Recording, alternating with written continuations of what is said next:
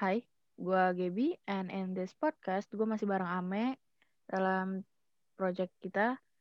Uh, kita bakal ngomongin soal protagonis. But before we start, say hi. Hi guys, how are you today? So ya, yeah, gue mau kasih warning dulu.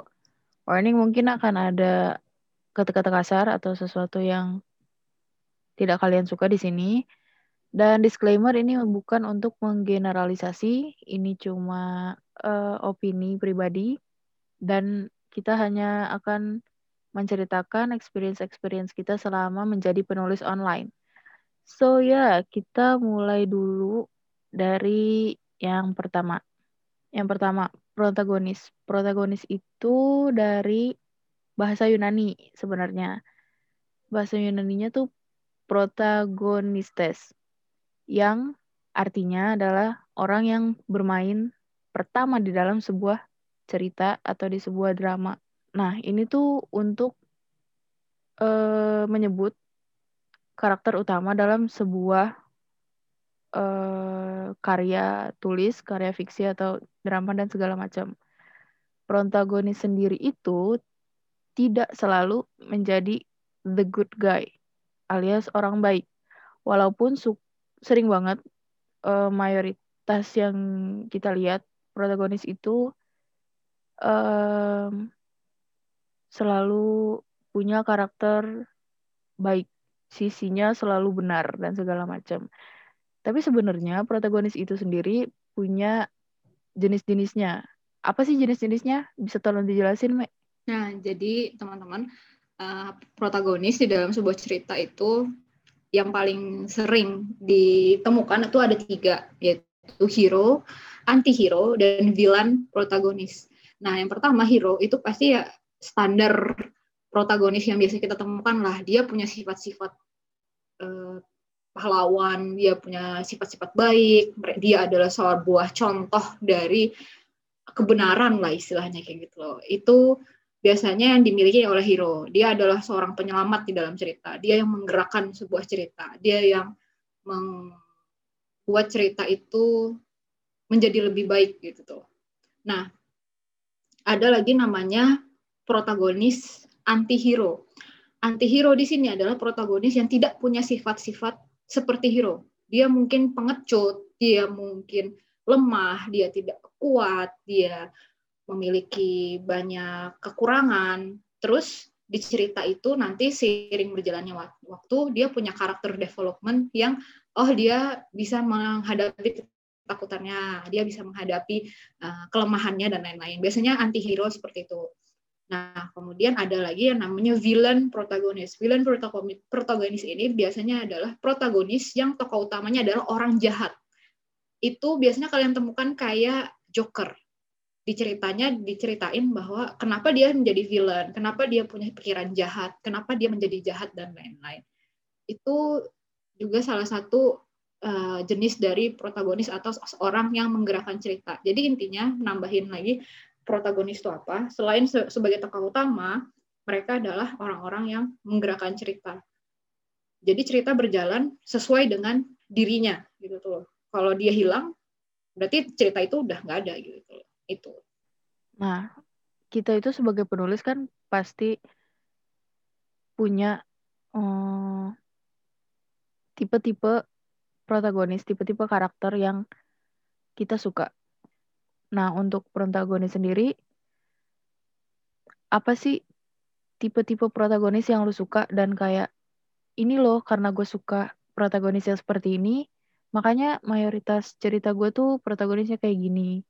Atau gimana, Mai? Kalau di lu? Kalau di gue dulu, um, yang pasti karena gue perasa ya. Karena gue perasa dan gue feeling banget.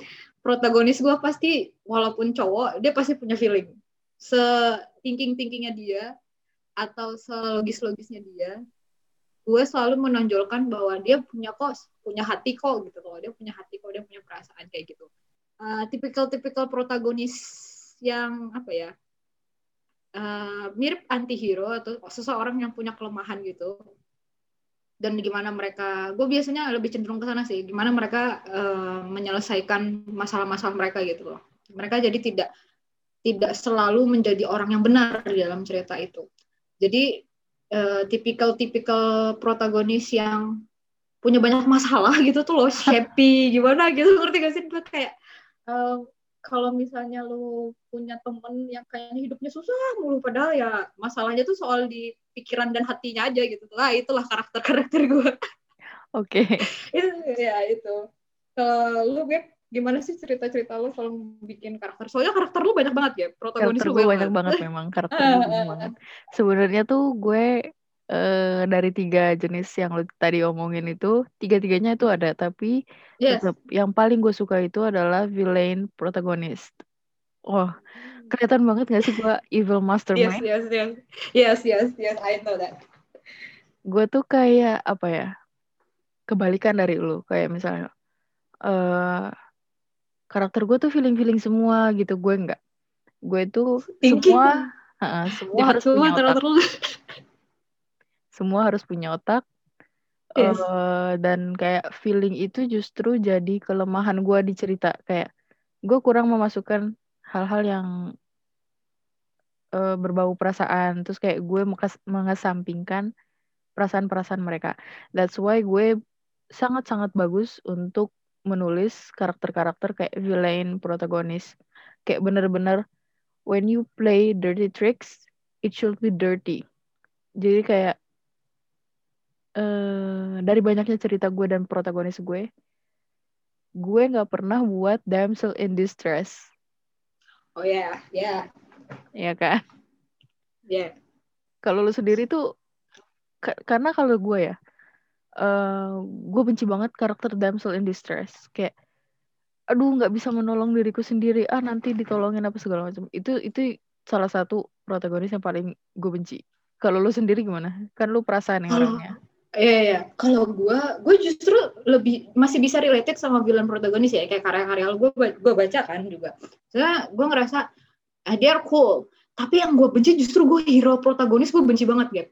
Dalam artian, nice. lu kok, kok bisa kayak lu gak punya kelemahan sama sekali kayak lu bener-bener perfect kayak lu bisa menghadapi segalanya kayak there's no one in this world that can uh, apa ya menurut gue tuh uh, sesempurna itu. Gue paling gak suka ya kalau misalnya ada satu cerita tokohnya itu kayak yang dia tajir ganteng rupawan terus baik pintar. baik pintar terus nggak ada masalah aja gitu hidupnya. Terus dia tiba-tiba nyari masalah aja. Entah entah dia jatuh cinta sama ini atau dia jatuh cinta sama ini. Yes benar benar benar yang why untuk apa kamu menjadi protagonis kalau hidup lu tidak punya masalah cuy? Gue juga gue juga kayak gue nggak sukanya adalah uh, saat orang orang kayak gitu orang-orang yang dalam tanda kutip tidak punya masalah masalah sekecil apa pun yang seharusnya bisa diselesaikan dengan cepat akan diperpanjang sama dia Oh yes yes, itu beberapa penulis kayak meng, apa ya? Dia tuh gimana? Gue sadar plot gue tuh receh-receh, mm-hmm. tapi gue berusaha untuk uh, memilih satu atau dua plot yang agak berat, terus gue pelintir di emosinya dan lain-lain. Kadang kan uh, plot-plot gue tuh kan pakai protagonis yang ini kan uh, pokoknya dia main perasaan lah gitu loh. Dia tuh konflik batin pasti punya konflik batin gitu loh nah gue tuh mencoba gimana caranya konflik batin itu tuh uh, ter ini terselesaikan dengan baik gitu loh. Mereka itu tuh konflik batinnya remeh uh, terus jadi kayak yang kayak lu bilang tadi kayak selesainya tuh kayak gitu tuh loh. Nggak nggak nggak baik lah benar benar benar. Gue kalau misalnya protagonis lain ya selain villain protagonis gue mungkin akan uh, bilang kalau misalnya hmm, karakter protagonis yang gue suka sih karakter protagonis yang gue suka itu ada dari karakternya Mo Xiang Tongshu dia yang buat uh, The Grandmaster of Demonic Cultivation. Dia punya tiga oh. novel. Kan dia itu biasanya tuh ngambil villain protagonis juga mirip kayak gue tapi tuh ada yang satu tuh dia uh, dia tuh baik banget karakternya baik banget. Tapi sebenarnya tuh beban beban hidupnya tuh parah parah banget kayak se se sekasihan itu hidupnya tapi karena dia udah terbiasa dengan beban berat jadi kayak eh, ya udahlah gue gue cuman kayak gini kok. Ya udahlah masalah kayak gitu gue udah pernah kok lebih parah. Jadi kayak uh, gue banyak terinspirasi tuh dari karakternya dia yang apa ya malah mengentengkan hal yang berat berkebalikan sama si hero protagonis tadi. Yes yes ya yes, kan? yes. Uh, nah, kalau kayak misalnya, meremehkan masalah gitu eh memberatkan masalah yang remeh gitu. Uh, uh, uh. nah kalau misalnya gue kan kayak gitu. Kalau lu ada nggak sih dari karya fiksi lain yang kayak wah gue suka nih. Gue menikmati banget baca ini. Um, untuk karya fiksi lain ya mungkin karena gue udah jarang baca buku atau baca karya tulis gitu ya. Gue kalau di film sendiri paling suka kalau karakter uh, yang relatable sama gue sebagai penulis atau pembaca atau penikmat film selain relatable dia juga mampu menjelas menyelesaikan masalahnya sendiri gitu loh karena ketika uh, sebuah karakter itu relatable sama gue gue menikmati itu sebagai pembelajaran di diri gue gitu loh jadi gue dapet sesuatu juga dari film itu itu yang juga pengen gue sampaikan di tulisan-tulisan gue sendiri gitu loh. Gue pengen nulis sesuatu yang relatable ke pembaca gue.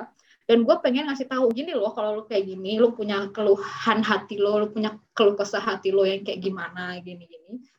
Lo harus nyelesaikan kayak gini gitu loh. Lo harus pakai otak lo juga. Selain lo pakai otak juga, lo pakai perasaan lo juga boleh kok gitu tuh loh. Dan gue selain memvalidasi perasaan lo, gue akan ngasih tahu lo juga, gini loh, harusnya lo bertindak gitu tuh gue paling benci kalau misalnya um, udah karakter itu tidak related ke gue atau pokoknya uh, karakternya gak masuk akal aja gitu tuh. Kadang-kadang ada kadang karakter yang uh, saking gak masuk akalnya tuh ya sel apa ya karakternya kayak ganti-ganti gitu loh. Nggak konsisten tuh loh karakternya. Jadi kayak sebenarnya tuh dia nggak punya karakter.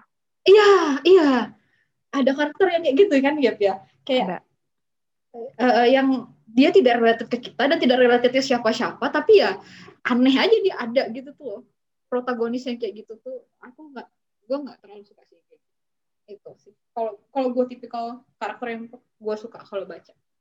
Oke kalau misalnya apa ya? Udah ya. Suka dan tidak suka kan? Udah selesai tapi uh, ini ya jadi sih kalau mungkin pesan ke teman-teman penulis juga sama yang pembaca juga um, um, kita punya masing-masing favorit uh, protagonis dan ada protagonis yang tidak kita suka gitu apa pun yang ingin kalian tulis diharapkan ya uh, masuk akal aja. Mau kalian nulis hero protagonis tipikalnya uh, sangat pahala atau hero kayak gitu tetap lo bikin dia tetap masuk akal gitu loh. Kenapa dia jadi heroik banget? Oh karena ini, karena ini, karena ini. Atau karena karena setiap protagonis pasti punya latar belakangnya gitu loh dari sifatnya dan lain-lain gitu.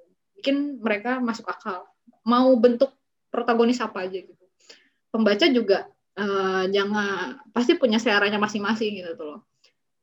Mereka uh, mungkin gak suka protagonis lu tapi mungkin mereka suka set karakter lu atau dia suka uh, karakter lu yang lain kayak gitu tuh jadi tapi please tetap uh, jangan mengesampingkan kemasuk akalan tokoh utama lu. Itu penting soalnya. Kalau misalnya gue kan uh, protagonis gue banyak. Terus kayak karakter-karakter mereka juga beda-beda.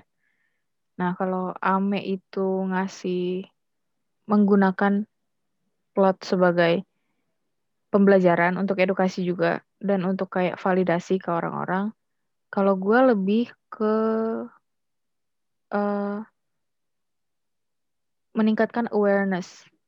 Kayak misalnya apa ya orang-orang itu stres itu tergantung dari merekanya gimana. Setiap orang itu beda-beda ngadepin stres. Jadi kayak gue pengen cerita gue itu dengan protagonis gue yang berbeda-beda dan tidak semuanya perfect itu uh, jadi pembelajaran buat kalian kayak jangan terlalu apa ya jangan terlalu fokus di satu jalan jangan pakai kacamata kuda ngelihat hidup itu tuh bisa dari banyak sudut gitu.